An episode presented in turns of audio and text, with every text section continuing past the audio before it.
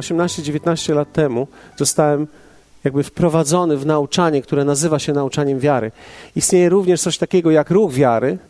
Niektórzy z Was słyszeli o tym ruchu wiary, o prekursorach ruchu wiary, których wielu ludzi później, a, a szczególnie ci, którzy pochodzili z tak zwanego wcześniejszego przebudzenia, ponieważ e, były też wcześniejsze przebudzenia, szczególnie te charyzmatyczne. E, wcześniejsze przebudzenia e, zawsze prześladują te kolejne, które następują. Więc w momencie, kiedy prekursorzy ruchu wiary wyszli ze swoją inicjatywą i zaczęli mówić o, o istocie wiary, w szczególny sposób, taki jaki do tej pory ta wiara nie była poznana, wcześniejsze ruchy krytykowały ich, więc między innymi to był Kenneth Hagin czy Kenneth Copeland. Kenneth Hagin już nie żyje, Kenneth Copeland dalej funkcjonuje, ale oni byli prekursorami tak zwanego tego ruchu wiary. Od nich tak naprawdę bardzo wielu ludzi rozpoczęło tak zwany ten ruch wiary. Ja sam nie jestem w ruchu wiary, natomiast wydaje mi się, że każdy ruch ma coś w Bogu do zaoferowania dla każdego z nas. Dlatego, że te ruchy nie powstawały dlatego, że ktoś coś wymyślił, ale te ruchy powstawały dlatego, że Duch Święty poruszył jakąś prawdę w Biblii, która stała się rzeczywistością dla kogoś. I później czasami się tak zdarza, jak w każdej dobrej rodzinie, że są różne przypadki, e, które, które się działy, więc e, każdy ruch ma swoich e, właściwych, nazwijmy to, wyznawców, ale również ma też ludzi, którzy nazwijmy to delikatnie, przebalansowywali dane prawdy. Więc pamiętam, jak któregoś dnia usłyszałem taki dowcip, e, spotyka się ktoś z, e, z człowiekiem z ruchu wiary i, i akurat się zdarzyło, że byli w piekle.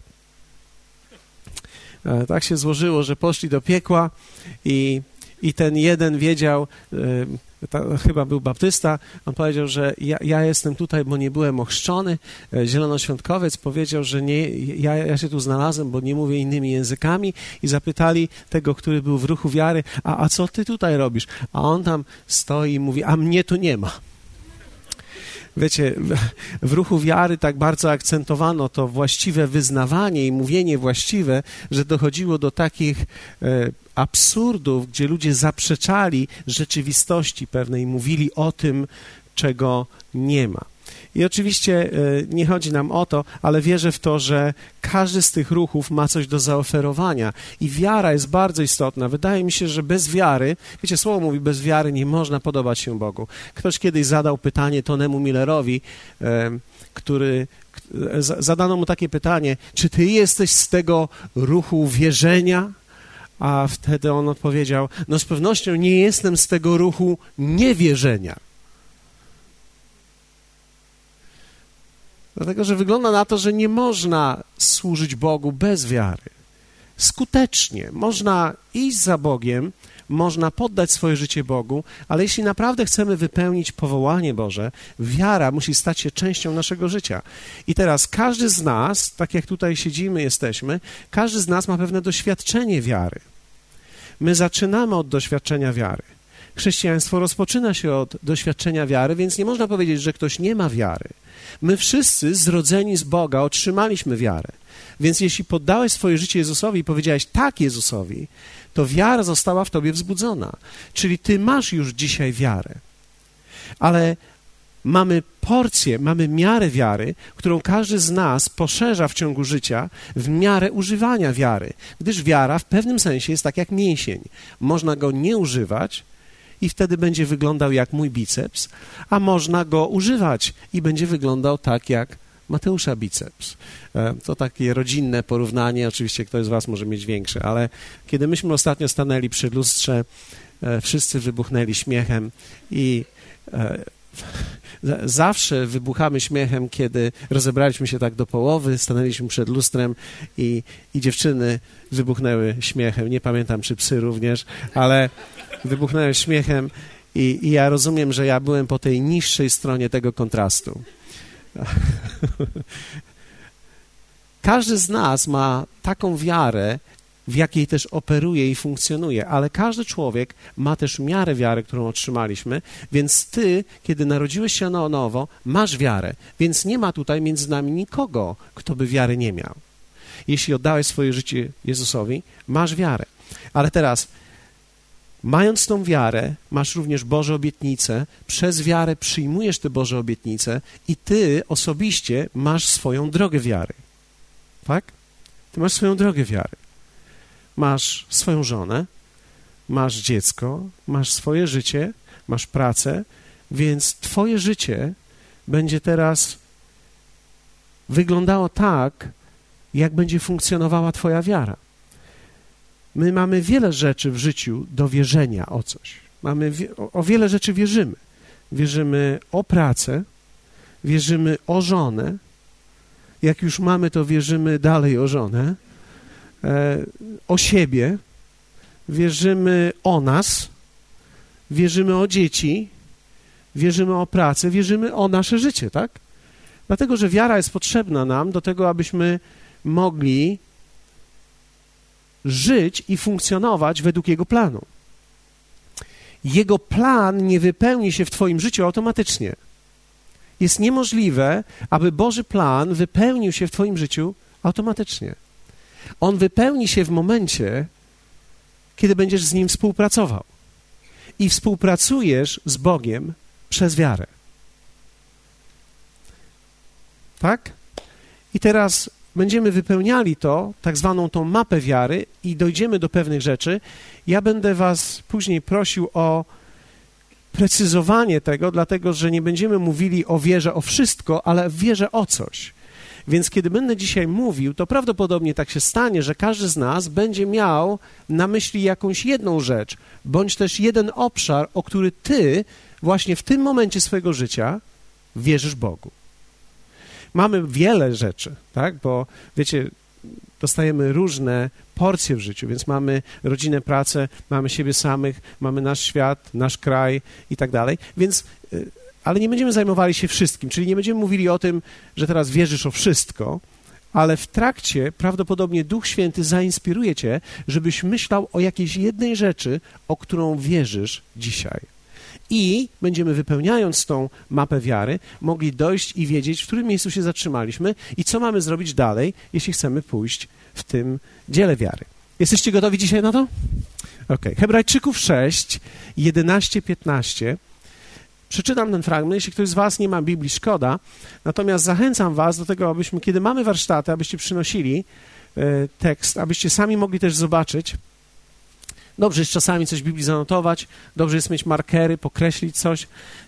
Nie chodzi mi o to teraz, że im bardziej duchowa Biblia, tym bardziej po, pokreślona, bo widziałem takich ludzi, którzy kreślą specjalnie, żeby wyglądać duchowo, ale myślę, że czasami potrzebujemy zakreślić coś, żeby wiedzieć, co nas dotknęło w tym miejscu. Sześć. Autor listu do Hebrajczyków mówi tak, werset 11. Pragniemy zaś, aby każdy z was okazywał tę samą gorliwość dla zachowania pełni nadziei aż do końca. Aż do końca. Jeśli to słowo do końca greckie to słowo telos, które dokładnie oznacza rezultat albo pełnię. Dopełniona szklanka. To jest dopełnić coś.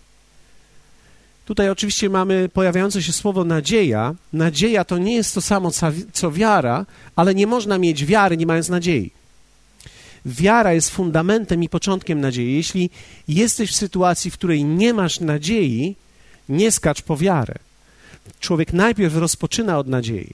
I teraz, mając nadzieję, dopiero mamy wejście w obszar wiary.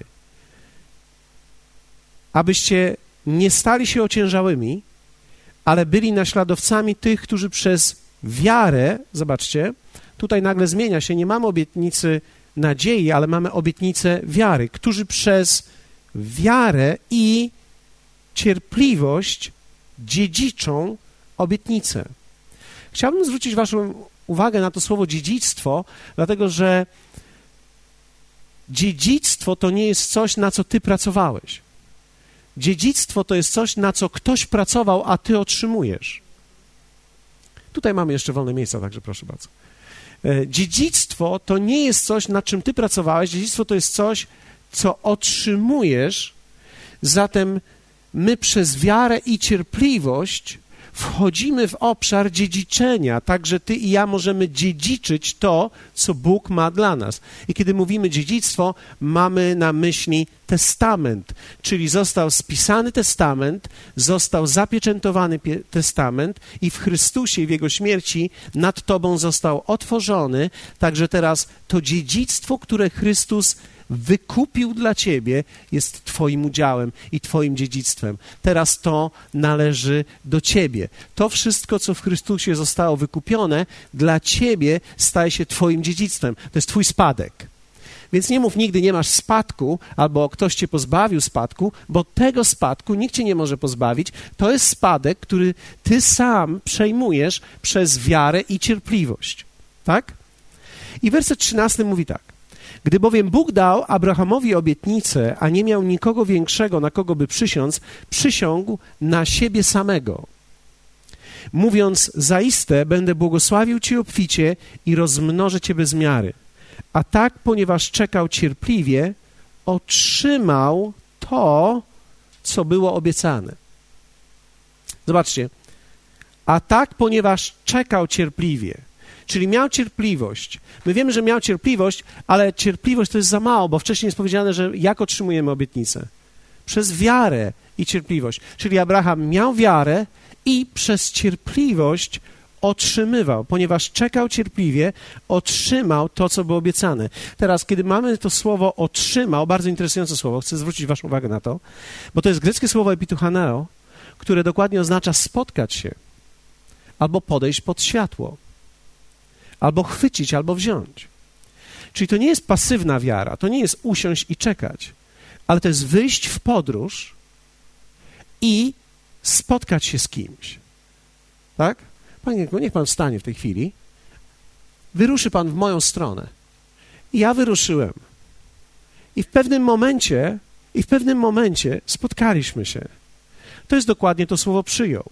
To oznacza, że Bóg wraz z całym swoim dziedzictwem wyruszył w naszą stronę. I teraz my przez wiarę i cierpliwość również wyruszamy i w ten sposób przyjmujemy albo spotykamy się, albo oznacza to również wejść pod światło.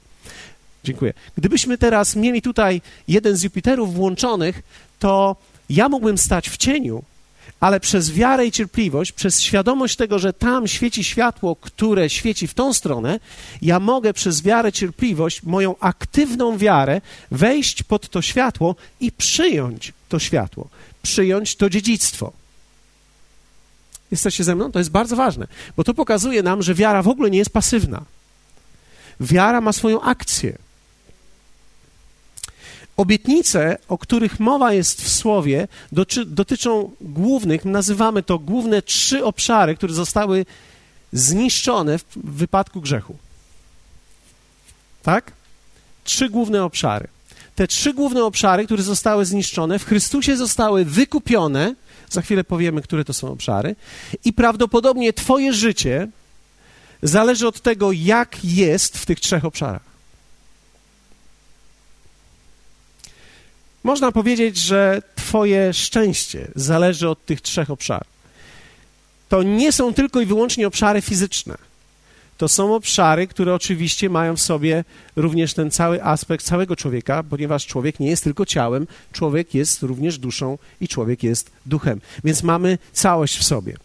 Ale zwróćmy uwagę, jeden z tych pierwszych obszarów, o których będę mówił, o który każdy z nas może wierzyć i wielu z nas prawdopodobnie w życiu będzie wierzyło o to, to jest ten pierwszy obszar, to była zerwana relacja z Bogiem.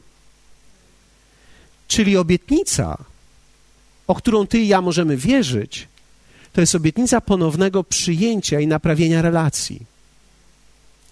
Grzech zniszczył relację pomiędzy człowiekiem a Bogiem, a próba usprawiedliwienia siebie zniszczyła relacje między ludźmi.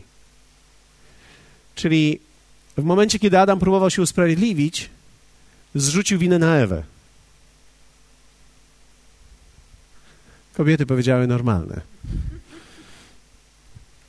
Obietnica, zatem grzech zniszczył te relacje i teraz zobaczcie, mamy zniszczone relacje przez grzech z Bogiem i mamy zniszczone relacje przez grzech pomiędzy ludźmi. Mamy przez grzech również zniszczoną relację sami z sobą. Kto z Was czasami nie może dojść do porozumienia sam z sobą? Jedność człowieka została zniszczona, jedność, nasza spójność wewnętrzna. Zostało rozdarte to. Więc cały obszar relacji został w Chrystusie odkupiony. Dopóki jednak człowiek sam nie wybierze Chrystusa, nie może go, do, nie może zmusić drugiego człowieka do tego, aby on wybrał. Czyli teraz, kiedy mówimy o naprawie relacji, kiedy mówimy o odkupionych relacjach, to teraz ty i ja możemy znaleźć się w życiu tak, że możemy wierzyć o relacje między nami. Powiedzmy, że jesteśmy braćmi. Więc chcemy wierzyć o poprawę relacji między nami. Mamy prawo do tego. Mamy prawo do tego, żeby wierzyć o dobre relacje pomiędzy nami w kościele. Nami jako pracownik, pracodawca albo pracodawca, pracownik. Pomiędzy nami mamy prawo wierzyć, jeśli powiedzmy ta osoba jest częścią mojego bliskiego kręgu i wiem, że ona nie jest zbawiona, ja chcę wierzyć o jej zbawienie, czyli chcę wierzyć o osobę tą, o niego, żeby poprawił swoją, albo odbudował, albo odnowił swoją relację z Bogiem, żeby nawiązał tę relację z Nim, został zbawiony, odkupiony, jak również, aby przez to stał się moim bratem.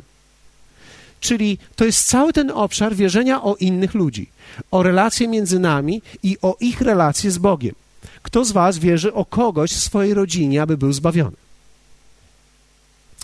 Mamy do tego prawo. Mamy do tego prawo, dlatego że dostaliśmy obietnicę od Boga.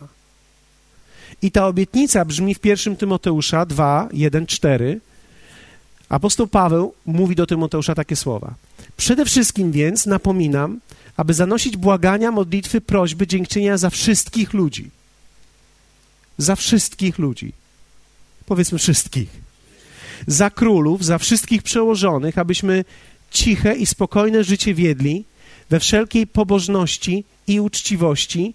Jest to rzecz dobra i miła przed Bogiem, Zbawicielem naszym, który chce, teraz zwróćcie uwagę na to, który chce, aby wszyscy ludzie byli zbawieni i doszli do poznania prawdy. To jest wola Boża.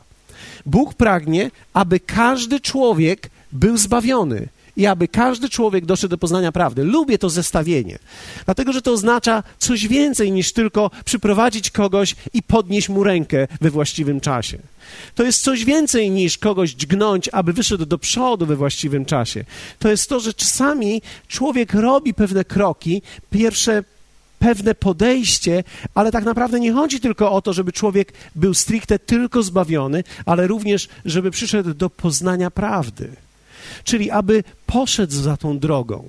Nie tylko, żeby był zbawionym człowiekiem i znalazł nowy adres Kościoła, ale żeby poszedł za Jezusem na 100%, aby miał pasję, ponieważ to jest najlepsza, najwspanialsza droga, to jest pójść za Nim.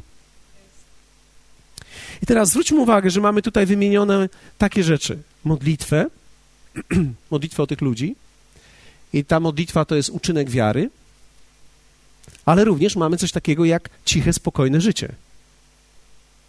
We wszelkiej pobożności i uczciwości wymienione.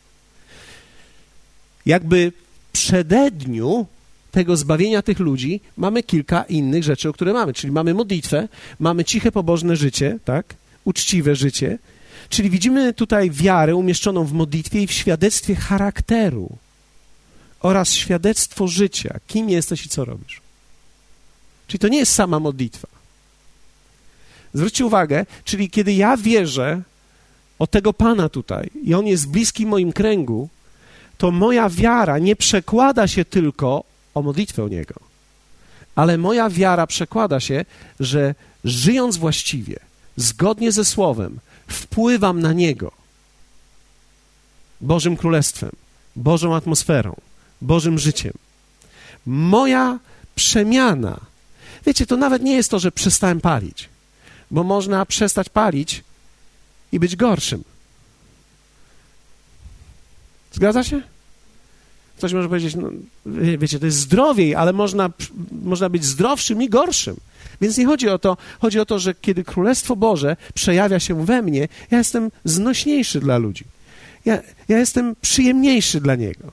Ja jestem lepszym partnerem. Jestem lepszym przyjacielem. Jestem lepszym kolegą w pracy. Jestem lepszym pracodawcą. Jestem lepszym pracownikiem. Staję się po prostu innym człowiekiem. Więc ja modlę się o niego, ale również wpływam na niego moją przemianą. I ta moja przemiana, i modlitwa, i wyznanie wspólnie razem synchronizują się i dają niesamowity efekt wciągania człowieka. On, to, to jest troszeczkę tak, jak mamy wir wodny i ten człowiek jest blisko. Jeśli jest wystarczająco blisko, a ja wystarczająco wiruję, to go wciągnę.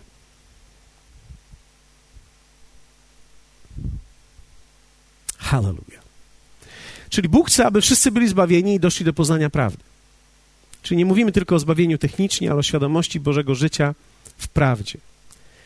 Jeśli mamy mieć zatem wiarę i cierpliwość, to musi być ona właściwie aplikowana, aby mogła działać.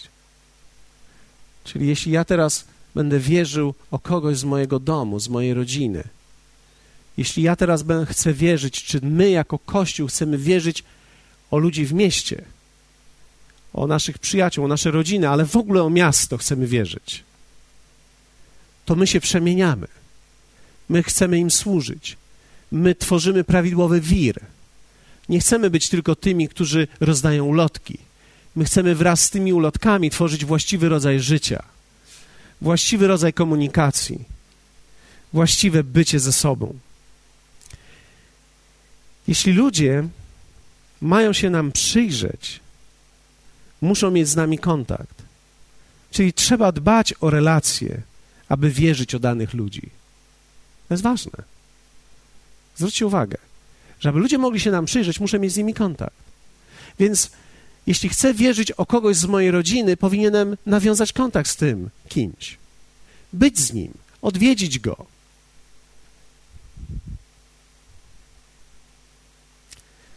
Trzeba być świadectwem w domu, jego życia w nas, które przejawia się cicho, cichością i spokojem. Dokładnie to słowo mówi siedzieć w jednym krześle. Ciche, spokojne życie dokładnie oznacza siedzieć w jednym krześle. Siedzieć, być zadowolonym. Zauważyliście, że ludzie nerwowi wstają, idą gdzieś, znowu siadają z powrotem, wstają, kręcą się. Pamiętam, kiedyś byłem nauczycielem, więc czasami upominałem uczniów, mówiłem, nie kręć się. Jak człowiek jest niespokojny, to się kręci. To oznacza siedzieć, być spokojnym, zrelaksowanym w jednym miejscu. Ludzie podążają za rodzajem życia, a nie rodzajem doktryny. To jest ważne. Wiara uzewnętrznia się w rodzaju życia, który mam, a nie w doktrynie. Doktryna idzie jakby potem. Doktryna jakby tłumaczy, dlaczego mam tak dobre życie. Ale ja muszę najpierw je mieć. Czyli Bóg zbawia innych albo zbawia ducha innych przez zbawianie Twojej duszy w tym samym czasie. Czyli Ty się przemieniasz, a inni odkrywają, co jest w Tobie i co jest w Bogu. Możemy powiedzieć, życie rodzi życie. Każdy człowiek musi mieć kontakt z życiem i zapragnąć tego życia. Nie można nikogo zmusić, ale on musi być blisko. Czyli możemy powiedzieć tak: to jest wola Boża, aby wszyscy ludzie byli zbawieni. Czyli masz prawo wierzyć, że wszyscy w Twoim domu będą zbawieni, bo to jest Jego wola względem tych ludzi. Bóg nie wybiera sobie, że ten będzie zbawiony, a ten nie będzie zbawiony. Boża wola jest taka, Bóg chce, aby wszyscy byli zbawieni, nawet jeśli wszyscy nie będą zbawieni. I oczywiście niektórzy z Was myślą sobie tak, jeśli to jest wola Boża, to jak jest możliwe, żeby to się nie wypełniło? No dokładnie, to jest bardzo proste, to jest bardzo proste, to wymaga tylko zrozumienia, że Boża wola nie zawsze wypełnia się tutaj na ziemi. Dziękuję za gromki amen. Dlaczego tak jest? Dlatego, że aby Boża wola mogła wypełnić się na ziemi, Bóg potrzebuje ludzi, przez których może się ona wypełniać. Dlatego, że Bóg przekazał ziemię ludziom. Tak? I Bóg jest fair. Czyli Bóg nie zabrał jej z powrotem. Bóg przekazał ziemię ludziom i jeśli ludzie nie współpracują z Nim, nie znają Jego woli i nie wypełniają Jego woli, Jego wola nie będzie wypełniona. Czy jest możliwe, aby wszyscy ludzie byli zbawieni? Tak. Potencjalnie tak. Ale czy będą? Nie. Dlaczego? Dlatego, że to zależy od wyboru poszczególnego człowieka. Czy ktoś z Was zatem ma wątpliwość, czy Bóg chce zbawić kogoś z Twojej rodziny? Nie powinieneś mieć wątpliwości. Bóg chce zbawić każdą osobę z Twojej rodziny. Czy to jest możliwe, że będziesz widział zbawionych ludzi? Tak, będziesz widział zbawionych ludzi. Ale ktoś może powiedzieć, ale przecież może być tak, że, się nie, że nie będą zbawieni. Nie możesz w to wierzyć. To może ci się przydarzyć. Czasami mogą nam się przydarzać rzeczy, w które nie wierzymy. I to jest w porządku. Kiedyś wytłumaczę Wam, dlaczego tak jest. Nie będę wchodził w to. Ale zerwana relacja z Bogiem, zerwane relacje międzyludzkie, my chcemy, żeby ludzie byli z nami. My chcemy, żeby nasze żony siedziały obok nas. My chcemy, żeby one wspierały nas. My chcemy, żeby. tak akurat usiadłem, a stanąłem tak przy Was. My chcemy, żeby ludzie doświadczali tego. To jest Boża wola i ponieważ mamy taką obietnicę, słowo na ten temat wyraźnie mówi, możemy powiedzieć: znamy Bożą wolę, wiemy o co się modlić i możemy o to wierzyć Bogu. Za chwilę pokażemy, jak to się robi, ale dziś te, w tej chwili mówimy o tych trzech obszarach obietnic, które mamy. Kolejna, kolejny obszar to jest grzech, który zamieszkał w ciele człowieka. Dał zatem śmierć fizyczną. Pamiętajcie o tym, że ludzie wcześniej nie umierali. To nie było powołanie Adama, aby umrzeć, a nie Ewy. Mieli żyć na wieki razem z Bogiem. Z powodu grzechu ciała i duch obumarł. Tak? Więc grzech przyniósł śmierć fizyczną, jak również choroby i skażenie świata.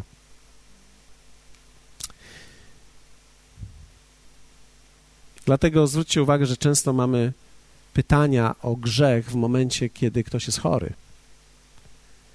Dlatego, że jest połączenie grzechu z chorobą.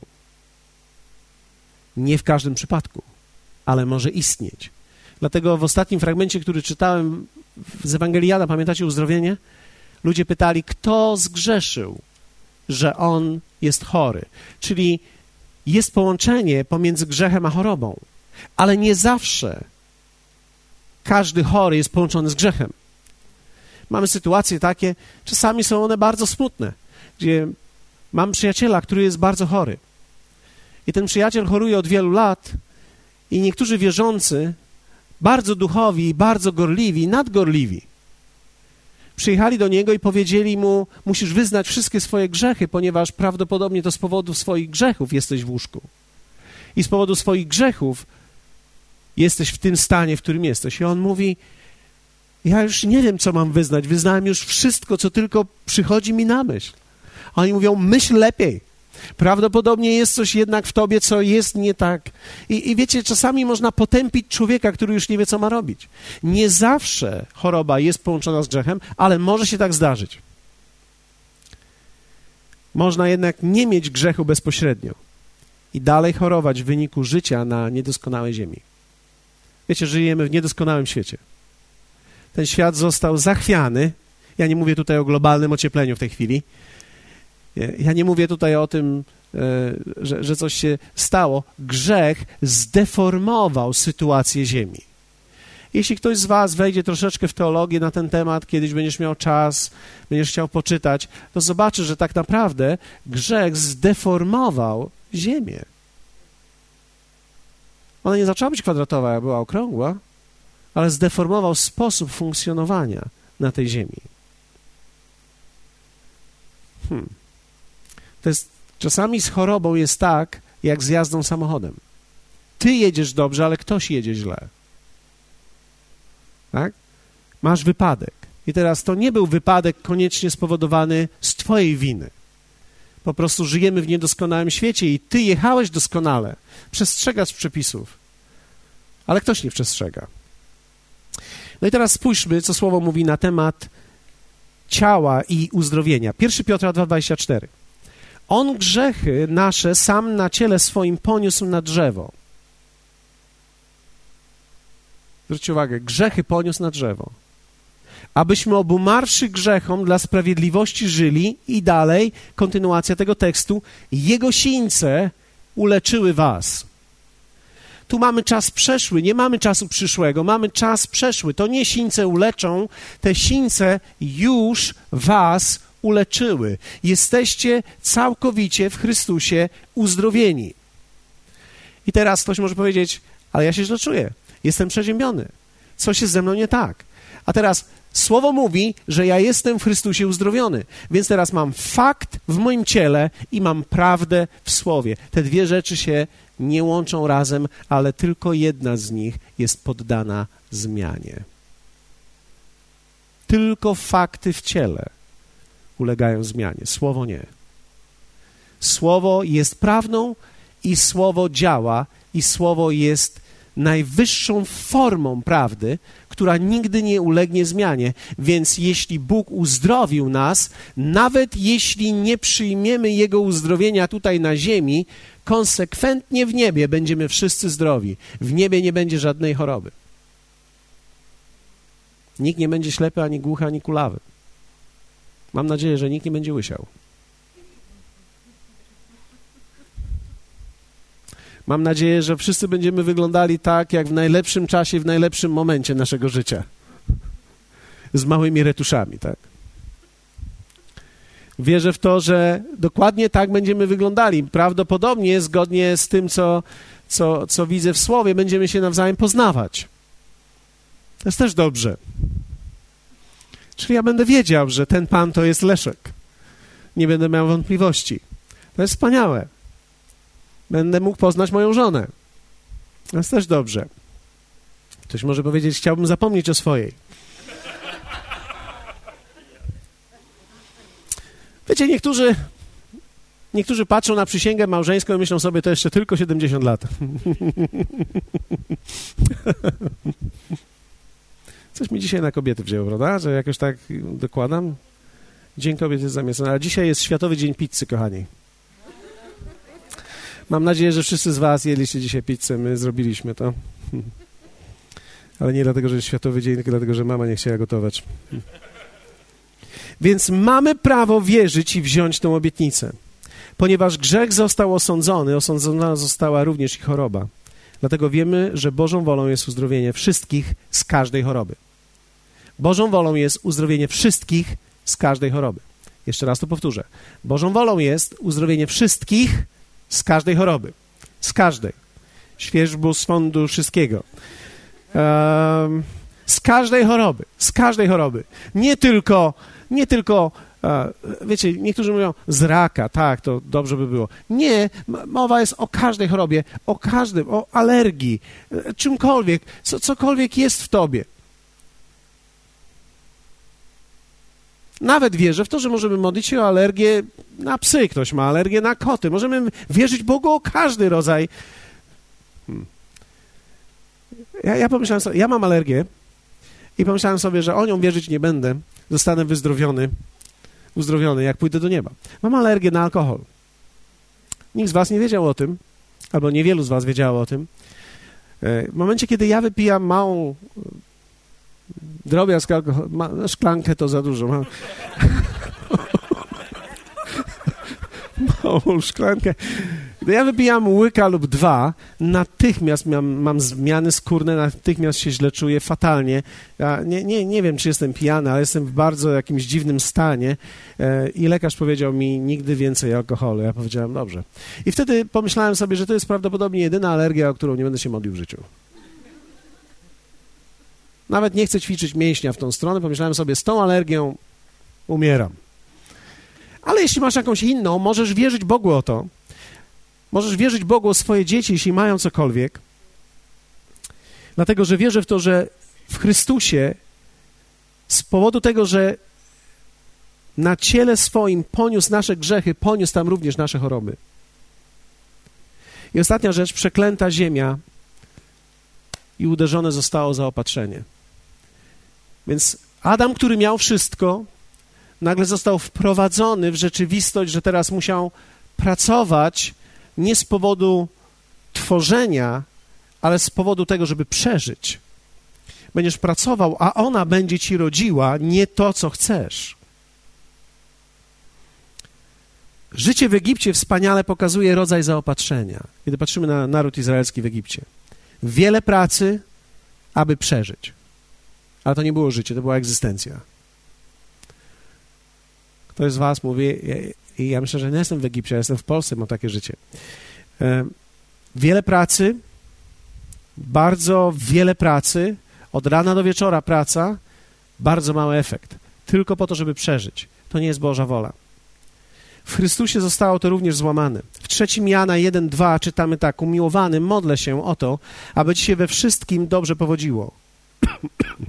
I abyś był zdrów tak, jak dobrze się ma dusza twoja. Aby ci się we wszystkim dobrze powodziło. W 2 Koryntian 9:8 czytamy tak: A władny jest Bóg udzielić wam obficie wszelkiej łaski, abyście mając zawsze wszystkiego pod dostatkiem, mogli hojnie łożyć na wszelką dobrą sprawę. To czytamy w tym wolę Bożą, abyście mogli mieć zawsze wszystkiego pod dostatkiem. To jest Jego wola. Jan uzależnia powodzenie od stanu duszy. Apostoł Paweł uzależnia od przyjęcia łaski, która jest dostępna dla każdego. Ale możemy powiedzieć tak, że ogólna wola Boża daje nam prawo do wiary aktywnej. Czyli mówimy teraz o ogólnej woli Bożej, tak? Powiedzmy razem ogólna wola Boża. Musimy wiedzieć, jaka jest ogólna wola Boża. Czytamy w Słowie, że to jest wola Boża, czyli wolą Bożą jest, abyś miał relację z Bogiem, aby ludzie wokół ciebie mieli relację z Bogiem, aby wszyscy ludzie mieli relację z Bogiem, aby nasz prezydent miał relację z Bogiem. Mamy prawo wierzyć i modlić się o Niego.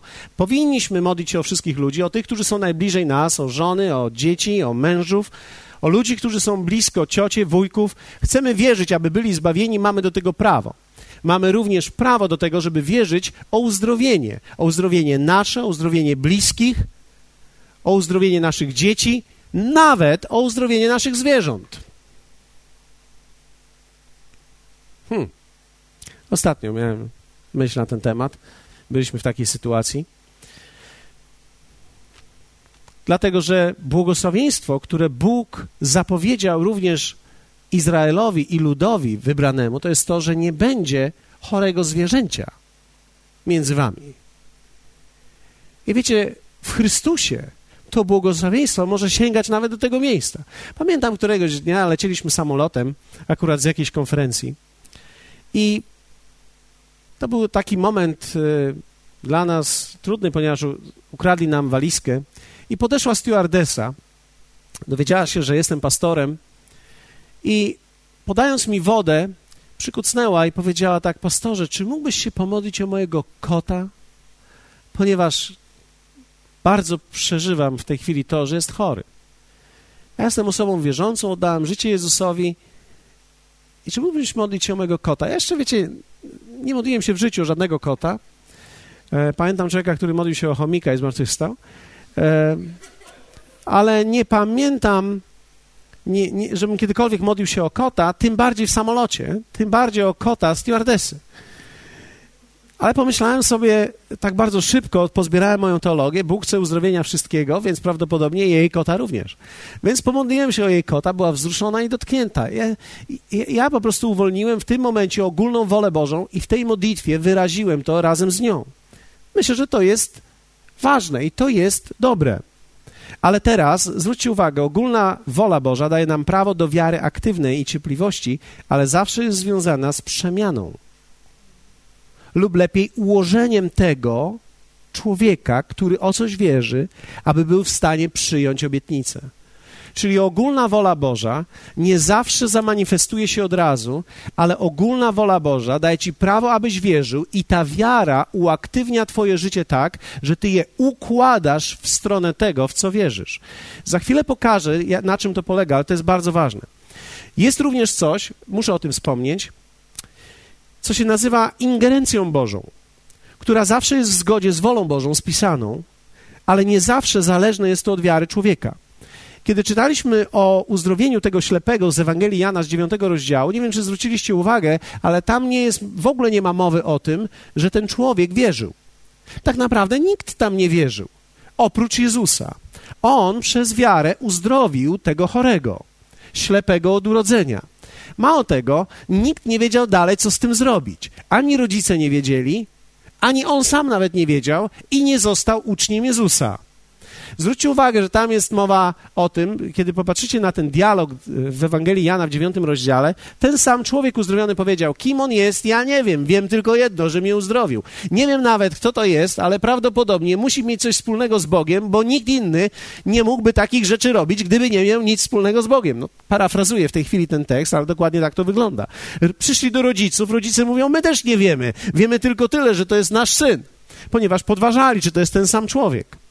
Więc zwróćcie uwagę, że tutaj nie ma mowy o kimś, kto wierzy i współpracuje z Bogiem, ale jest ingerencja Boża i ingerencje Boże zdarzają się, ponieważ w tych ingerencjach Bożych jest inny cel jeszcze. I wyższy cel. Czasami jest to cel rozprzestrzenienia Ewangelii i pokazania dzieła Bożego w zupełnie nowy sposób. Czasami zdarza się, że ludzie, którzy nie za bardzo są wierzący, w jakimś momencie, na jakimś spotkaniu są uzdrawiani i nawet się nie dołączają do kościoła i są zdrowi. Pamiętam taką jedną dziewczynę, która kiedyś przyszła do nas na spotkanie, kiedy głosiłem na temat uzdrowienia, wyszła do przodu, kilka osób modliło się o nią i została uzdrowiona. Miała wzrok tak zły, że nie mogła nic czytać, poprawiło im, jej się o kilka dioptrii, tak, że była w stanie przeczytać coś z kartki, wcześniej nie było to możliwe, nagle zaczęła czytać, było to możliwe i wiecie, ona nigdy nie przyszła do kościoła. Przez kilka lat zastanawiałem się nad tym cudem i pomyślałem sobie, a po coś Ty, Boże, ten cud uczynił? I wiecie, dopiero po latach dotarło to do mnie, że ten cud tak naprawdę nie był być może tak bardzo wpływowy na nią, z wyjątkiem tego, że oczywiście był wpływowy, ponieważ lepiej widziała. I później po latach się dowiedziałem, że dalej dobrze widzi ale nas jako młody Kościół podniosło to niesamowicie, ponieważ widzieliśmy Boga, który działa i żyje. Chodziliśmy nakręceni przez kilka miesięcy, że Bóg kogoś uzdrowił. To było dla nas tak niesamowite, bo wiecie, są różnego rodzaju uzdrowienia, że człowiek mówi, tak, przestało mnie boleć tam wewnętrznej części.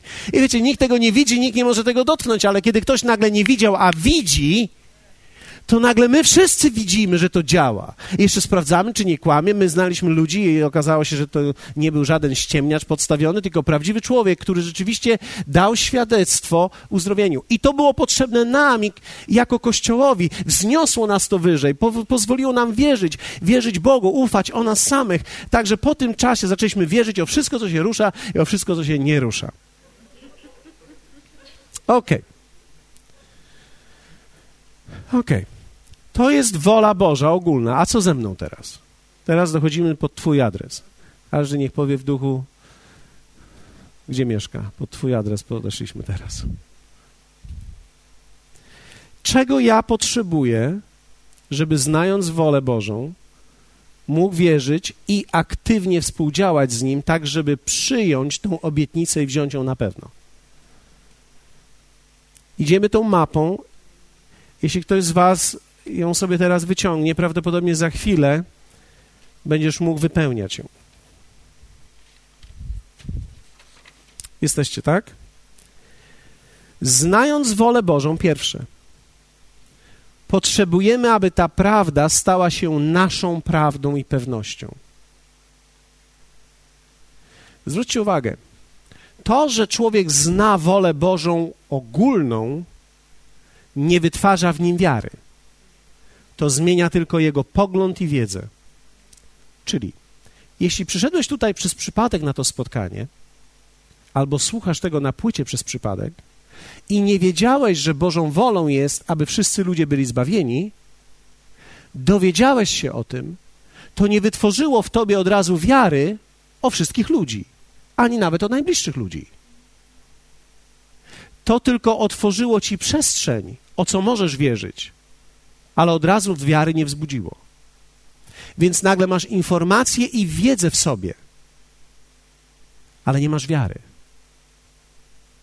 Więc poznanie ogólne woli Bożej jest bardzo ważne, ale za mało.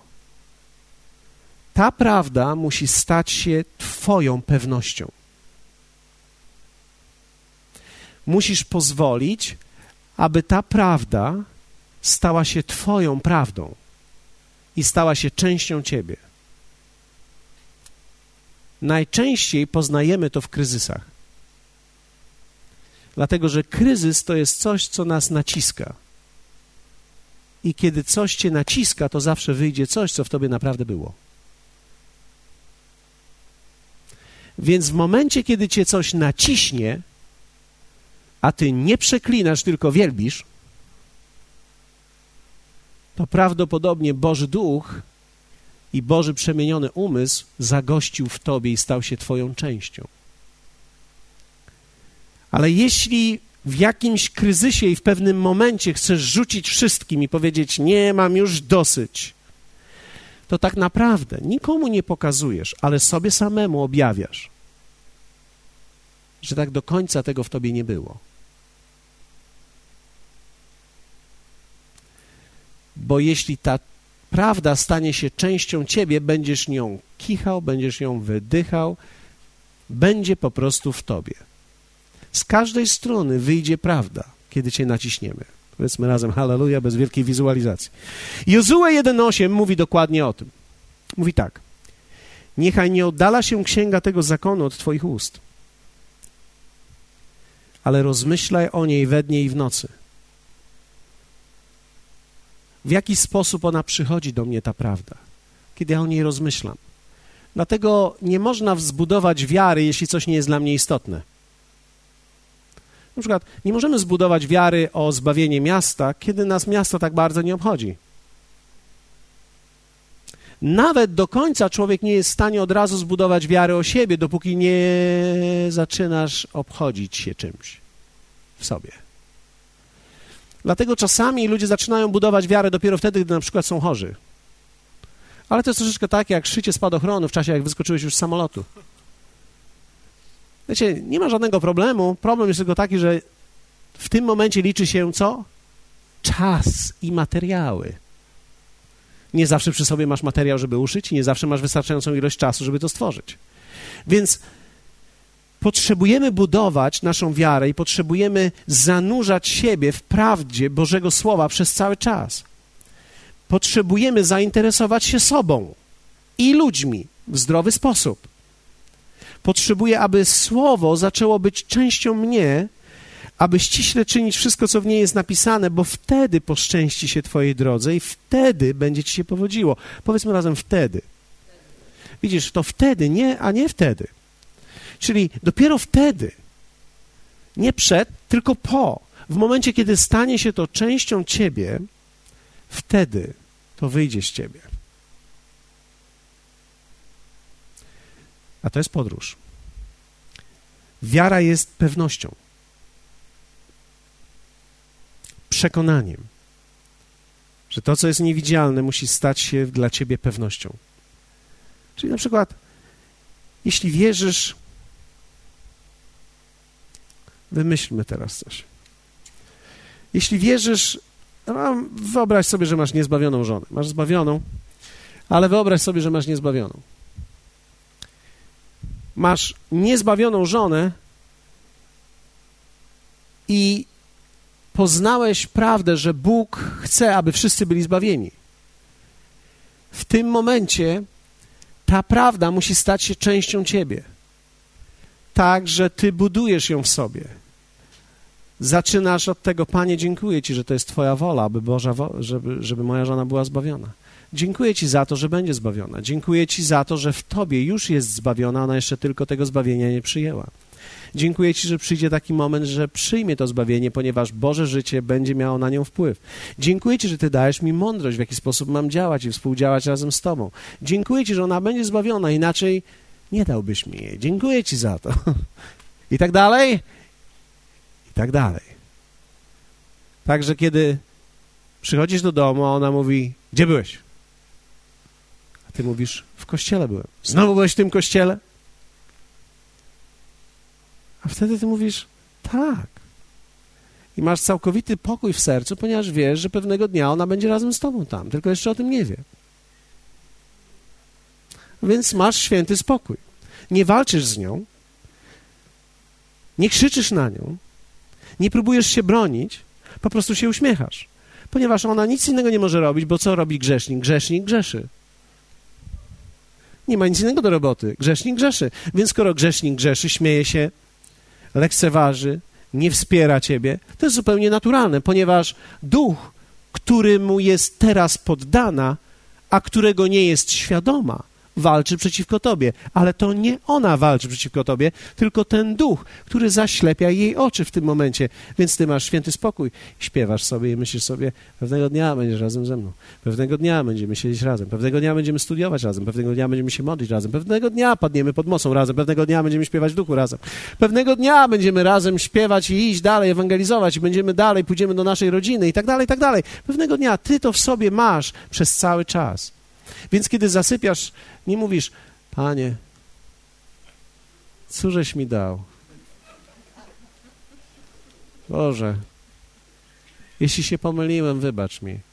Więc nie zaczynasz wchodzić, tylko pozwalasz, aby ta prawda zaczęła być częścią ciebie. Wiesz, że jesteś w wierze, gdy masz pokój i odpocznienie. To nie jest technika, to jest relacja.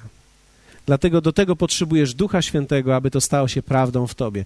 Będziesz musiał współpracować z Duchem Świętym, aby to stało się prawdą w tobie. Tylko Duch Święty jest w stanie umocować wewnątrz ciebie tą prawdę tak mocno, że nie jesteś w stanie inaczej oddychać, jak tylko tą prawdą. I nie jesteś w stanie być poza pokojem, bo wiara jest odpocznieniem.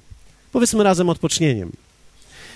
Wiecie, ja wierzę w to, że Bóg będzie zbawiał wielu ludzi tutaj w tym miejscu. Ktoś może powiedzieć, a już widzimy, jak to mówisz od wielu lat. No i dokładnie to widać. Nie widać może jeszcze takich efektów, jakie byśmy chcieli widzieć. Być może, nie, wie, wiecie, my nie chcemy się porównywać z nikim. My jesteśmy w woli Bożej. To jest dla mnie najważniejsze. My chcemy się rozwijać i za tym, co Bóg mówi. Ale jeśli zadasz mi pytanie, czy mam tą pewność, tak, mam absolutną pewność, że tak będzie. Tak jest i tak będzie. Nie ma innego wyjścia. Dlaczego? Bo Bóg to powiedział, powiedział to w swoim słowie, do nas to powiedział, do mnie to powiedział, jestem w tym i robię to. Mam całkowity pokój w sercu. Jakbyś posłuchał mojego serca, bije dokładnie tym samym rytmem. Pyk, pyk, pyk. Właściwie. Ja nawet lekko zwolnionym. Bo jestem jak samuraj. Mam 45. Puls. I nie zasypiam. Potrzebujesz Ducha Świętego, aby stało się to prawdą w tobie. Wiecie, każdy z nas ma walkę wiary zatem, walkę z sobą samym, walkę z własnym umysłem, walka z czasem. My potrzebujemy jednak przejść to, bo znając ogólną wolę Bożą, musisz pozwolić, aby ta prawda stała się w tobie, częścią ciebie. Dopóki to się nie stanie, walka nie będzie wygrana. Jeszcze raz to powtórzę. Dopóki to się nie stanie, walki nie wygrasz. Ta prawda musi stać się twoją częścią. Hallelujah. Okej. Okay. Nasuwa mi się zbyt wiele e, tutaj przykładów osobistych teraz, a tu jest moja teściowa, nie chciałbym mnie dzisiaj zbyt bardzo dotknąć. Przynajmniej nie chciałbym jej dotknąć ponad to, co jest możliwe dla niej, aby mogła znieść. Ale więc znając wolę Bożą, potrzebujesz, aby ona stała się prawdą w tobie i pewnością. Drugie, trwasz w prawdzie wypełnionej obietnicy przez Boga przez poruszenie, przez bycie otwartym na Boże prowadzenie. Czyli teraz tak, wiem jaka jest wola Boża, ale muszę być otwarty na Jego prowadzenie. Bóg będzie cię prowadził ku przyjęciu tej obietnicy. To jest troszeczkę tak, że wiara prowadzi cię, więc tak jak pokazywałem wcześniej, ten Pan wstał i myśmy się spotkali. Musisz pozwolić się w wierze prowadzić ku tej obietnicy. Powiedzmy razem prowadzenie. To jest bardzo ważne. Jeszcze raz powtórzę. Wiara nie jest pasywna, wiara jest aktywna. Ona zawsze nas uaktywnia, zawsze sprawia, że idziemy. Duch będzie cię prowadził ku przyjęciu obietnicy przez poruszenie słowa. Przez poruszenie słowa. To oznacza, że ty wierząc o coś, będziesz czytał słowo, tak jak większość z nas powinna czytać każdego dnia ten codzienny nasz chleb. Nieważne, czy to jest 5 minut, czy to jest 50 minut. Ważne jest, że ty konsumujesz. To, czy to jest 5 czy 50, to tylko będzie kwestia twojego później żołądka, ale bardzo istotne jest, żebyś się karmił tym regularnie. Ale kiedy czytasz słowo, czytasz jakieś słowo i co jakiś czas będziesz miał poruszenie słowa, musisz być otwarty na to poruszenie słowa w tym tekście, gdyż Bóg będzie prowadził ciebie między innymi przez poruszenie słowa dla ciebie w tym tekście, ale również przez dary Ducha Świętego, które sprawią twoje działanie w wierze. Prowadzenie Boże poprzez dary duchowe, takie jak dar wiary słowo prorocze, najczęściej poprzedzone słowem wiedzy. Zdaję sobie sprawę teraz, że, że teraz zanurkowałem, niektórzy bez buty nie wiedzą, co robić, ale, ale słuchajcie, wstrzymajcie od tego, to jest ważne. To jest ważne, żebyś wiedział, co tam jest dalej. Wiecie, rafy są tam. Te piękne, wspaniałe rzeczy są tam. Prowadzenie Boże poprzez dary duchowe. Mamy dar wiary budynek otrzymaliśmy przez słowo i dar wiary. Ten tutaj, w którym jesteśmy. Dlatego za każdym razem, kiedy wchodzę tutaj, wiecie, to nie ma dla mnie znaczenia, czy to jest duży, czy to jest mały, czy to jest większy od kogoś, czy to jest mniejszy od kogoś. Prawdopodobnie to jest większy niż ktoś ma i mniejszy niż ktoś ma. Nie ma znaczenia. To była nasza podróż, nasza wiara. To był nasz moment. Przez wiarę wzięliśmy to. Przez wiarę otrzymaliśmy to. Nie wiem do dzisiaj, kiedy analizuję to w logice, do dzisiaj nie wiem, jak to było możliwe. Ale wiecie, człowiek się nawrócił i był posłuszny. Wiecie, Bóg uczynił to tak, synchronizował to i w pewnym momencie wyznaliśmy to. Pamiętam, nie tylko ja w tym byłem, ale było w tym kilka osób, ponieważ ja najpierw podzieliłem się, że Bóg powiedział do mnie, że da nam budynek i musimy uważać, żeby nie był mniejszy niż na 600 osób. I pamiętam, powiedziałem to kilku przyjaciołom i oni powiedzieli, słuchaj, musisz to powiedzieć, na niedzielnym spotkaniu, więc zebraliśmy wszystkich ludzi, wszystkich, jak to można nazwać wszystkich, no wszystkich, którzy wtedy wszyscy byli, więc zebraliśmy tych wszystkich ludzi i ogłosiliśmy to. I w momencie, kiedy ogłosiliśmy to, ogłaszaliśmy to nie z prośbą, nie z nadzieją, ogłaszaliśmy to z wiarą. Bóg powiedział, poruszył słowo, wypowiedzieliśmy to słowo, staliśmy za tym słowem i dwa tygodnie później Bóg zamanifestował z tą swoją obietnicę. Dostaliśmy wystarczającą sumę pieniędzy, żeby kupić to miejsce, plus ziemię obok, którą później mieliśmy okazję sprzedać, tak żebyśmy mogli dalej remontować ten budynek. Ale wierzcie mi, to w czym dzisiaj jesteśmy, to jest efekt wiary. Ale też prowadzenia Bożego. Czyli musisz być otwarty w momencie, kiedy ty dzisiaj o coś wierzysz. To to się stać musi częścią ciebie, ale musisz być otwarty na to, jak cię teraz Bóg dalej prowadzi, żebyś mógł pod tą lampę wejść i przyjąć to. Powiedzmy razem: wejść i przyjąć. Posłuszeństwo Bogu jest drogą ku manifestacji obietnicy. Do dzisiaj jestem przekonany, pamiętam, wtedy zbieraliśmy finanse na misjonarza, który przyjechał do nas. Wtedy niektórzy z Was pamiętają go jeszcze. Charles przyjechał do nas, miał wtedy już 80 lat, a to było z 80 lat temu. W dalszym ciągu lat ma się dobrze. Wiecie, on przyjechał, zepsuł mu się samochód. Kiedy podał nam cenę, to cena była bardzo duża. Wtedy nasz kościół zbierał miesięcznie kilkaset złotych. Tymczasem on potrzebował 800 czy 1000 złotych na remont tego samochodu, co oznaczało dla nas miesięczny dochód całego kościoła. I pomyślałem sobie, zbierzemy dla człowieka. Wiecie, żal mi go było, ale też czułem, że potrzebujemy za, zasiać, ponieważ zawsze wierzyłem w sianie. Wiecie, człowiek wierzy w sianie, dopóki nie widzi kwot. W momencie, kiedy zebraliśmy pieniądze i kiedy zobaczyliśmy, że kwota, którą zebraliśmy, to była dokładnie kwota, którą on potrzebował i to była dokładnie kwota, którą myśmy potrzebowali na cały miesiąc, ja zacząłem mieć wątpliwości. Znaczy, wiecie, ja już nie miałem żadnego wyjścia, ale jak wielu z was wie o tym, że za, e, kiedy masz dać 20 zł, to nie masz tego samego odczucia, gdy masz dać 20 tysięcy. To jest troszeczkę tak jak w sklepie, kiedy kupujesz, kupujesz ciastko i herbatę i idziesz później i masz wydać tysiąc złotych, to odczuwasz inaczej. Tak samo było w tym momencie, odczuwaliśmy inaczej, ale nie zachwialiśmy się w tym, nie zachwialiśmy się, poddaliśmy się temu i z powodu tego dzieła chwilę później mieliśmy świadectwo zebrania takiej wielkiej kwoty. Dla nas był to cud. To, to jest cud do dzisiaj i to jest cud, gdzie chyba nie ma kontynentu, o którym nie mówiono o tym.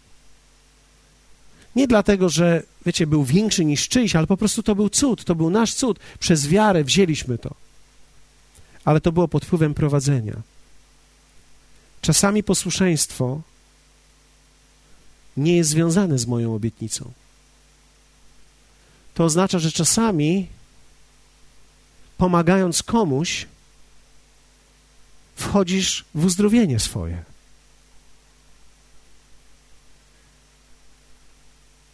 Siejesz coś zupełnie innego, ale jesteś posłuszny temu, co masz zrobić. Czasami, dając ofiarę, wchodzisz pod lampę zbawienia kogoś, kto jest obok, o kogo wierzyłeś przez lata. I nie mówię tego, żeby ktoś źle nie zrozumiał, że płacimy za czyjeś zbawienie, ponieważ nie można kupić tego. Zbawienia nie można kupić. Ofiarą nie można niczego kupić. Ale można, będąc posłusznym, otrzymać coś. Człowiek musi być poddany posłuszeństwu. W taki sposób funkcjonuje w tobie wiara. Trzecie. W trakcie, kiedy wierzysz o coś, bądź połączony z ludźmi. Właściwe relacje to właściwe słowo od ludzi. Posłuchajcie mnie, słowo zachęcenia, słowo wiedzy, słowo prorocze.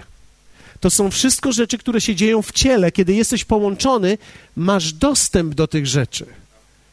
Jeśli nie jesteś połączony, to nawet nie wystarczy być członkiem, trzeba być połączonym. Wiecie, członkiem można być w kościele tak jak członkiem partii. Należy. Ale chodzi o połączenie, o moje połączenie z ludźmi, o połączenie z darami, tak że te dary mogą płynąć do mnie. Także ktoś może mi coś powiedzieć, może mnie wesprzeć, ktoś może powiedzieć mi słowo zachęcenia. Wiecie, wielokrotnie Bóg mówił do nas, wielokrotnie Bóg mówił do mnie. Czasami dostaję słowo, wiecie, czasami pastor Ted Hugh, kto z was pamięta pastora Teda Hugh'a z, z Kanady? E, pastor Ted Hugh czasami pisze do mnie list i pisze, Paweł, modliłem się o ciebie. I to są słowa, które przyszły do mnie.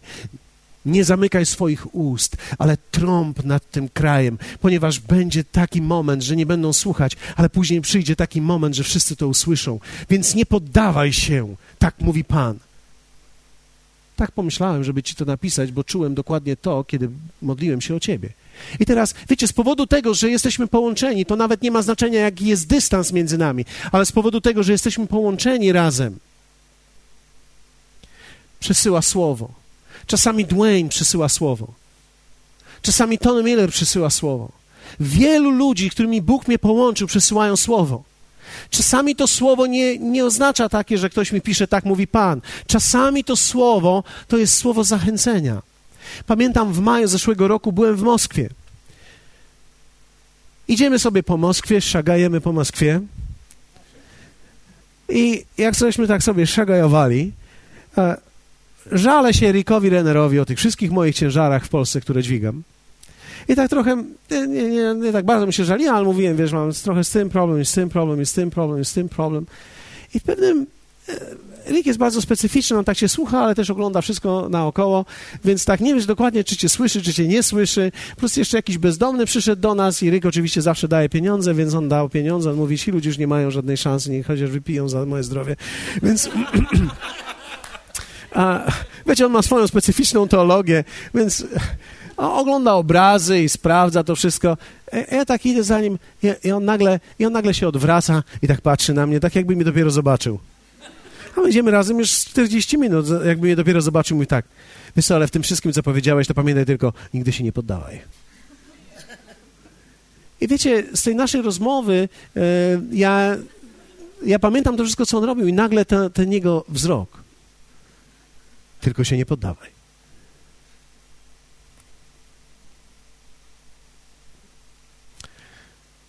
Niedawno pisałem do niego na Skype'ie,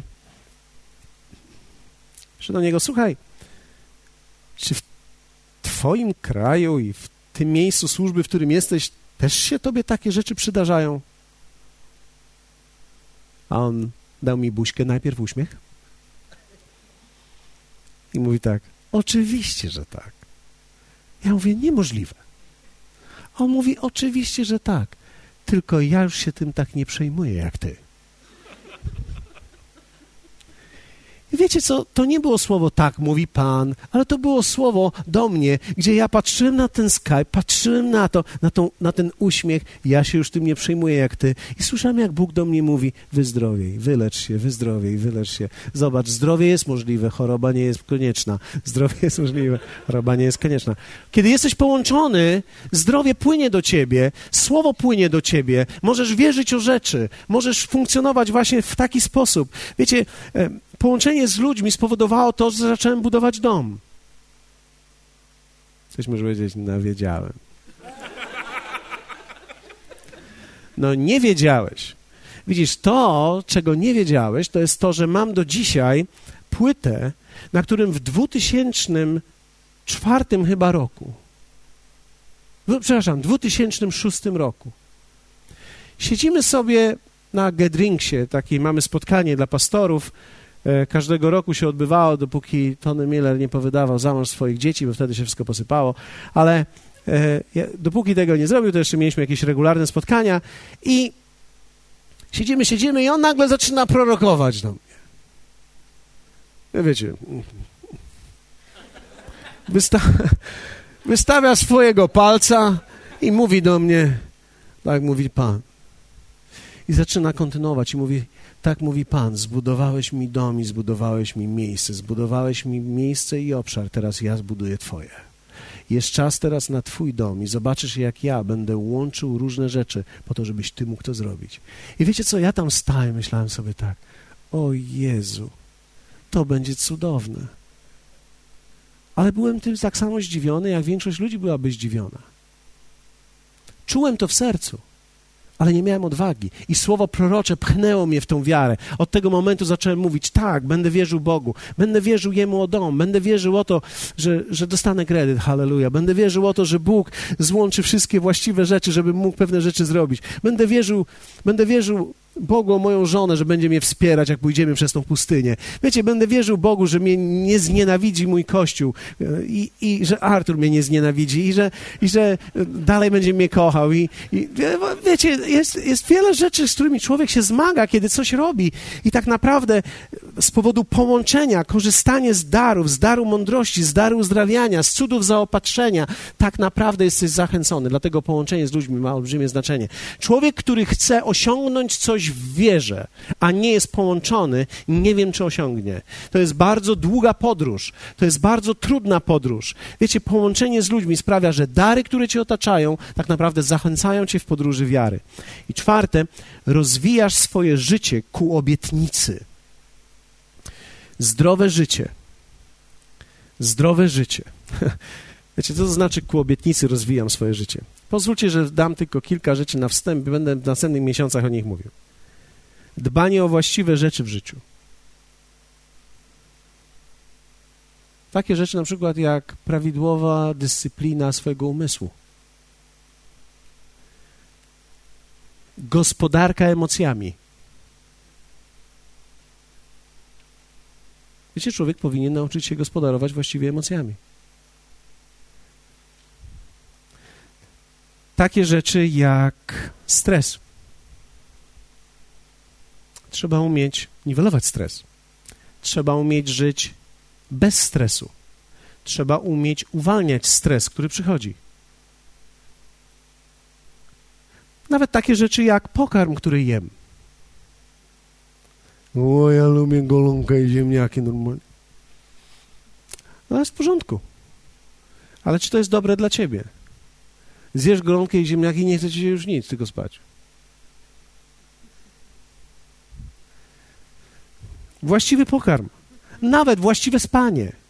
Większość ludzi nie umie tych rzeczy. Czy wiesz o tym, że od tego, jak gospodarujesz swoim snem, zależy, jak będziesz funkcjonował? Czy wiesz, że każdy człowiek ma określoną ilość snu, którą powinien mieć? I jeśli masz za mało, będziesz nieznośny? To nie jest wytłumaczenie, dlaczego twoja żona jest nieznośna.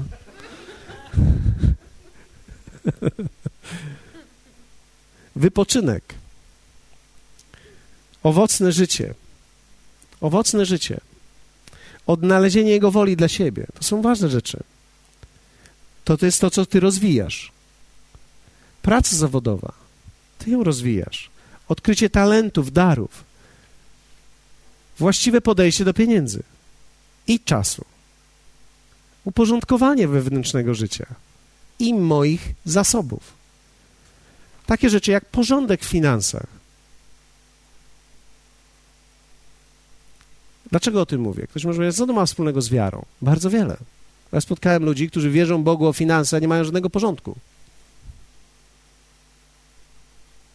Nie wiedzą, ile wydali, nie wiedzą, ile wydadzą, nie mają żadnego budżetu, nie rozumieją żadnego przepływu, kupują to, co czują, że chcieliby mieć, siedzą w domu i myślą o tym, co by kupili sobie, gdyby im tylko żona pozwoliła. Wiecie, to wszystko jest stresotwórcze, relacjo zabijające i, i budżetowo niszczące. To, to nie ma nic wspólnego z życiem tak naprawdę. Bo teraz nawet jakbyś poszedł do tego sklepu i kupiłem sobie, normalnie na te buty tyle, ojeny, kupiłem sobie. No i co z tego, jak zapłaciłeś za to cenę, której byś nie chciał zapłacić? To nie była cena w sklepie, to była cena twoich rozmów, twojej zgryzoty. Wie, wiele różnych aspektów. To była cena twojego ciśnienia. Wiecie, człowiek potrzebuje funkcjonować właściwie, więc porządek w finansach, porządek w czasie. Porządek w czasie. To jest bardzo duży temat, ale wielu ludzi nie rozumie porządku w czasie. Wielu ludzi mówi: Ja nie mam czasu.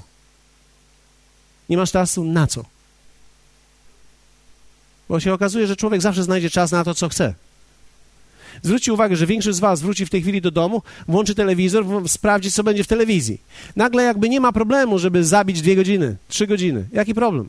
Pójdę spać. Oj, pilot trzeba ruszyć, bo się wyłączy telewizor, jak go nie ruszę. A on się wyłącza po trzech godzinach. Trzy godziny siedziałeś tam. Zapomniałeś o tym.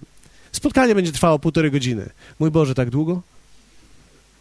Wiecie, zaczynamy myśleć o tych rzeczach właśnie w takich kategoriach. Co jest dla nas ważne, co jest dla mnie istotne. Ktoś może... Wiesz, pamiętam, jak jedna osoba mi mówiła, a mnie nie stać na to, żeby pobiegać, bo to za dużo czasu jest, żeby poćwiczyć. Ty niczego nie rozumiesz. Ty wiesz, ile będziesz musiała wystać w kolejkach u lekarza? w aptece?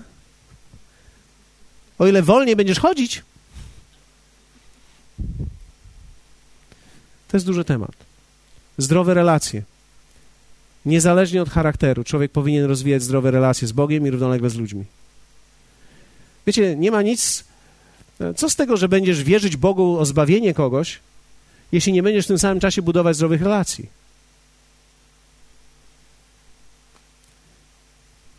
Niczego się człowiek nie uczy o ludziach, będąc samemu na pustyni. Jak również potrzebujemy również ludzi do weryfikacji naszych postępów i celów wiary. Dlatego, że można źle wierzyć lub wierzyć o złe rzeczy. Pamiętam, jak kiedyś, kiedy jeszcze byliśmy w oazie, chyba z pięć sióstr miało proroctwo w sercu, że ja będę ich mężem. Jak wielu z was domyśla się, że niektóre z tych sióstr były w błędzie? Im du...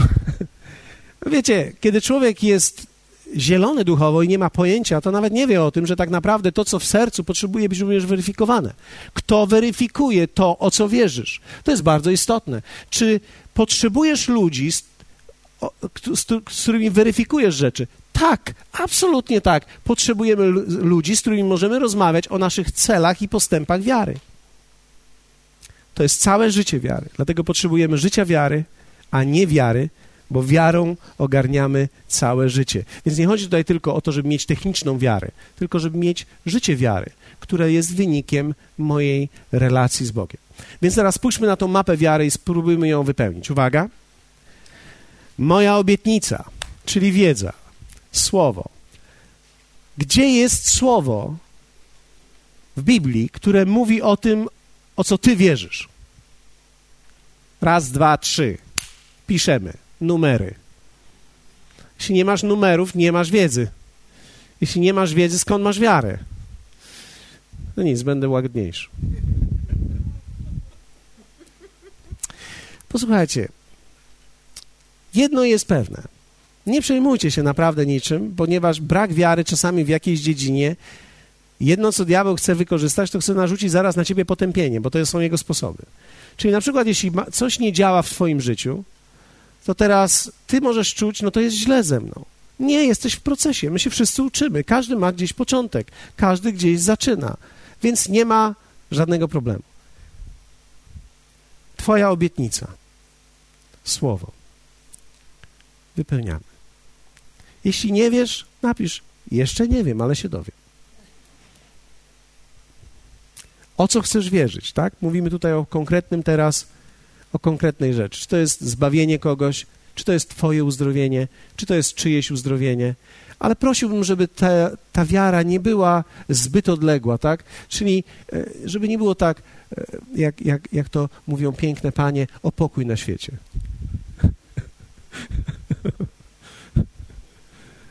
O, o, miłość i o pokój na świecie. Prosiłbym, abyśmy nie wypisali tego jako celu naszej wiary, czy też podmiotu tej naszej wiary.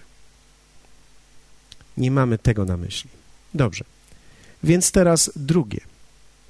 Moja wiara, czyli serce. W jakiej skali pewności umieścisz swoją obietnicę od 1 do 10? Gdy cię życie przyciska, co czujesz? Co z ciebie wychodzi? Jakie emocje wychodzą z ciebie? To, co z ciebie wychodzi, mówi o Twoim wewnętrznym przekonaniu. I proszę Was, nie bójmy się, ponieważ tutaj słyszę słowo strach, nie bójmy się tego tak nazywać, jeśli tak jest. Jeśli się czegoś boisz, nie przejmuj się. To oznacza, że jesteś w procesie przyjmowania tego, tej prawdy, tak jak czytaliśmy Jozłego 1.8, przyjmowania tej prawdy do siebie. W wierze nie można przyspieszyć. Nie da się dachu budować, jak nie ma fundamentu.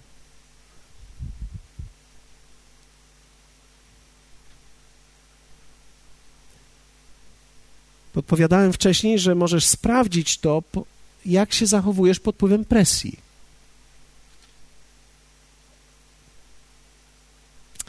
Trzecie będzie dotyczyło długości czasu. Jak długo czekasz na wypełnienie się tej obietnicy, na materializowanie się jej, na to słowo stało się ciałem? Tydzień, dzień, teraz mi się przypomniało. Pięć lat, 10 lat. Większość większość z nas napisze różne rzeczy, różne terminy, różne daty, tak? Tutaj dat może nie, ale ten zakres czasowy. I to jest w porządku. Ale ważne jest, żebyś ty sam wiedział, jak długo czekasz na to. Ponieważ im dłużej, to wcale nie jest tym gorzej. Że jeśli powiesz 10 lat, 15 lat czekam na to, to, to nie jest gorzej. To, to nie mówi o tym, że masz małą wiarę. Mówi, że tyle czasu wierzysz.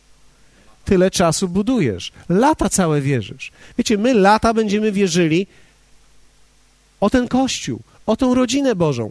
Wiecie, e, ostatni, ostatni rok był, był to rok, gdzie ludzie się pakowali i wyjeżdżali. Nawet w tym roku niektórzy się spakowali i wyjeżdżali. Ja wierzę w to, że będziemy mieli ludzi, którzy się spakują i przyjadą. I to właściwi. Wierzę w to, że Bóg będzie przyprowadzał właściwych ludzi. Wierzę w to, że ludzie, którzy nas oglądają w telewizji, będą mieli pragnienie przyjścia.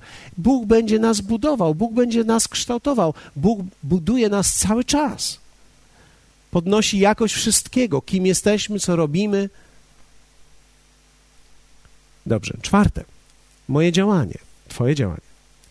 Co robisz aktualnie ku wypełnianiu się tej obietnicy? Jeśli masz jakieś słowo, jakiś aspekt, w którym powinieneś być posłuszny, co robisz aktualnie w wypełnieniu się tej obietnicy?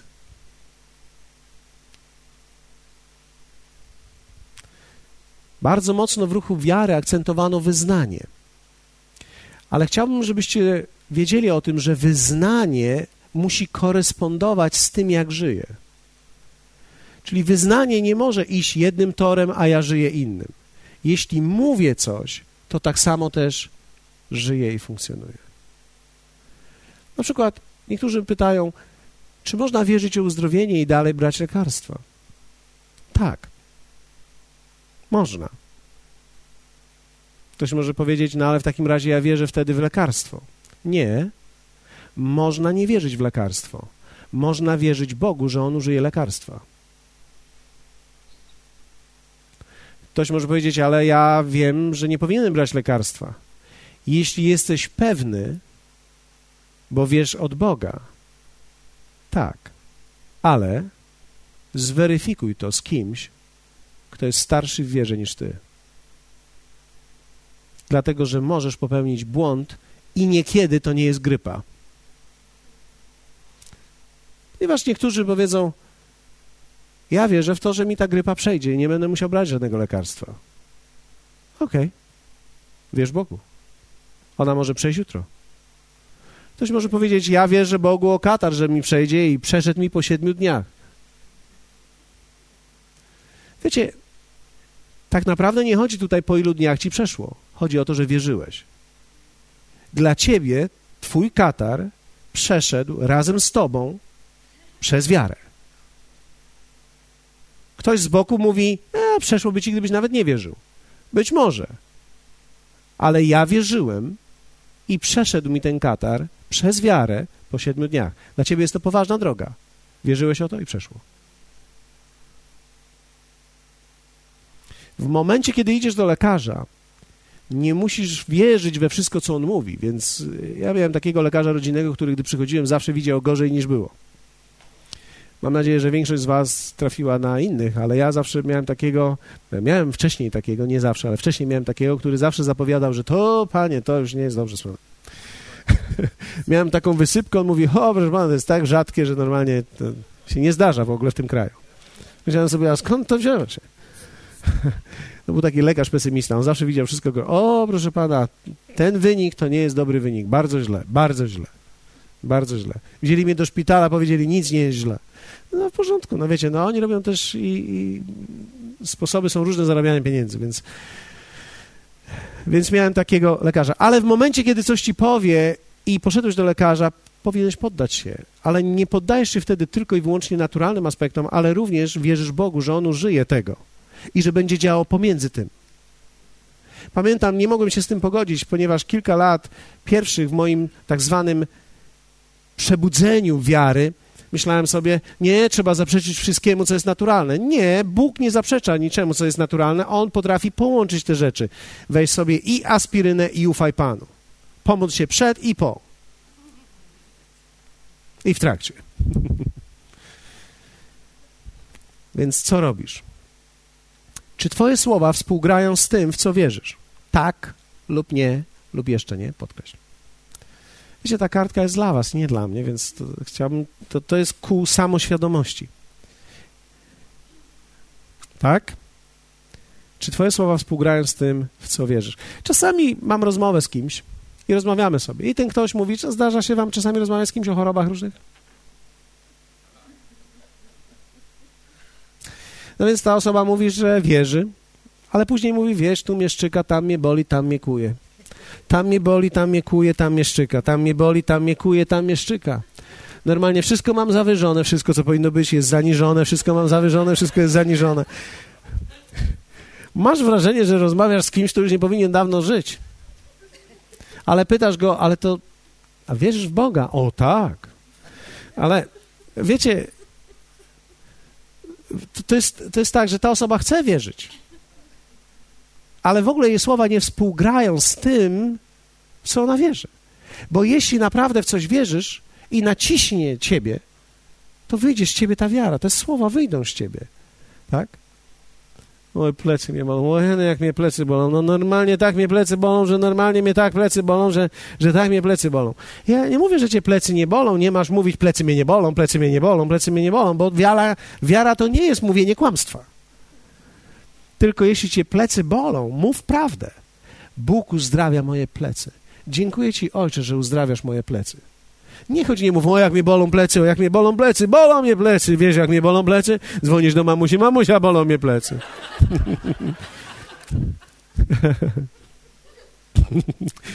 A mamusia mówi, dam ci synu pięć stów. O, już mi przestają boleć.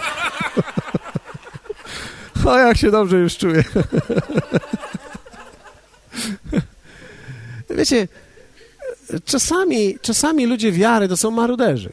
I nie chodzi o to, żebyśmy teraz byli sztuczni czy sztywni, czy żebyśmy teraz opowiadali same superlatywy. Jak się czujesz? Dobrze, już umarłem, ale dobrze się czuję. Jestem w piekle, tylko że mnie tu nie ma. Co u ciebie słychać? Co w twoim małżeństwie? Już dawno go nie ma, nie istnieje, ale jest wszystko dobrze. Halleluja. Jaś fasola. Nigdy nie o to chodziło. Ale niech to, w co wierzysz, twoje słowa korespondują razem z tym.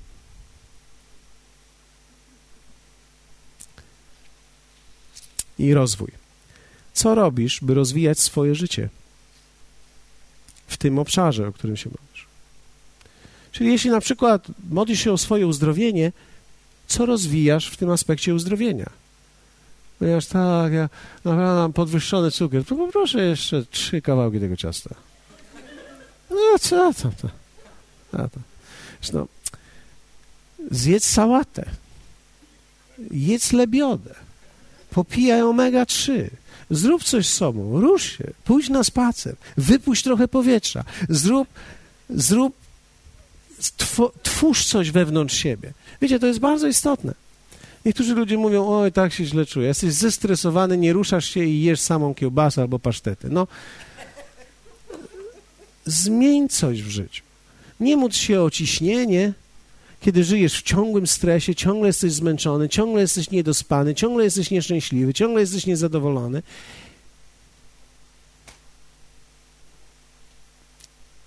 Aleluja. Dobrze. Co robisz, by rozwijać swoje życie? Kilka tych rzeczy. Ostatnie. Kto weryfikuje moje postępy w wierze? Z kim rozmawiasz o rzeczach, które wierzysz Bogu? Bez nazwisk. Imię. Imię. I też nie napisz pastor, bo czasami ludzie robią to tak. Pastorze, wiesz, naprawdę ja wierzę o to. U. I ta osoba, to jest tyle rozmowy. Ta osoba chodzi i mówi tak, pastor potwierdził. Normalnie pastor potwierdził to. Czasami ja powiedziałem, tak, dobrze się czuję. Bo ja nie usłyszałem tego, co powiedziałeś, więc nie... Więc Więc nie róbmy takich krótkich strzałów, tylko z kim naprawdę rozmawiasz o tych rzeczach. Z kim rozmawiasz o rzeczach, które wierzysz Bogu. Jeśli wierzysz Bogu nawrócenie żony, z kim rozmawiasz o tym? Czy dobrze wierzysz? Jak właściwie to robisz? Czy dobrze się zachowujesz? Czy, czy powinieneś coś zmienić w życiu? Ja szanuję tego człowieka, ponieważ on pyta o te rzeczy. Co mam zrobić? Ja mówię, uspokój się. A on mówi, dobrze się. Ja, ja mówię, ja mówię, uspokój się. On mówi, dobrze, uspokoję się. Wiecie, to jest bardzo ważne. Koresponduje, współpracuje. I to jest bardzo istotne. Bardzo istotne. Dlatego, że czasami w wierze my możemy sięgać naszym umysłem bardzo wielkich rzeczy, tymczasem nie mamy podstaw do tego. To jest fascynująca droga. Czy ktoś z Was ma jakieś pytanie? Nie widzę, dziękuję. nie, rozumiem, że to, to nie jest audytorium, żeby rozmawiać może o indywidualnych rzeczach. Ale jeśli ktoś z Was chciałby naprawdę zadać pytanie, albo chciałby, żebym poruszył jakąś kwestię, to proszę Was, napiszcie mi to. Albo porozmawiajmy indywidualnie, porozmawiajcie z kilkoma, tutaj mamy wspaniałych ludzi wiary, Beatka na przykład Skrzycka, Agatka, to są ludzie wiary. Waldek, Mirek, on wierzy Bogu cały czas. Jest wielu ludzi, którzy mają doświadczenie wiary. Każdy z Was ma też doświadczenie wiary, więc wiecie, no, ostatnia tylko rzecz jest taka, że czasami z niektórymi rzeczami będzie nam szło lepiej, a z niektórymi tak jakby ciągle pod górkę. Niektóre rzeczy wierzysz Bogu i się dzieją. Czasami jakby pewien mięsień masz wytrenowany w jedną stronę, a niektóre rzeczy są trudne. Czasami masz wiarę o większe, a te małe sprawiają ci tak wiele problemów. Nie przejmuj się tym. Wierz Bogu o każdy aspekt swojego życia, dlatego że Bóg pragnie, abyś żył pełnią tego życia. To jest Jego pragnienie, to jest Jego wola. On chce, abyś był szczęśliwy. Ale nie po to, żeby ci spełnić wszystko, co chcesz, ale żebyś odkrył Jego drogę i poszedł za Nim. Abyś zobaczył, że ta droga przemienia również Ciebie i przemienia wszystko wokół Ciebie. Aleluja. Skorzystaliście coś dzisiaj z tego? Wzięliście może tak? Spisaliście te rzeczy? Nie podpisujcie ich, żeby nikt nie wiedział ale weźcie je i trzymajcie je. Z tych zachęcam was, abyście nie wrzucali tego tak gdzieś głęboko do torebki, ale zachowajcie sobie to. Nawet napiszcie datę czasami. i bierzmy te rzeczy, zbierajmy, twórzmy taki dziennik swój, swój własny dziennik rozwoju, gdzie po dwóch, trzech latach będziesz mógł zobaczyć, a, tu jestem dzisiaj w innym miejscu, teraz widzę to troszkę inaczej. Prawdopodobnie wypełniłbym to inaczej. To jest bardzo dobre. Wtedy widzisz również swoje postępy, widzisz, jak to funkcjonuje.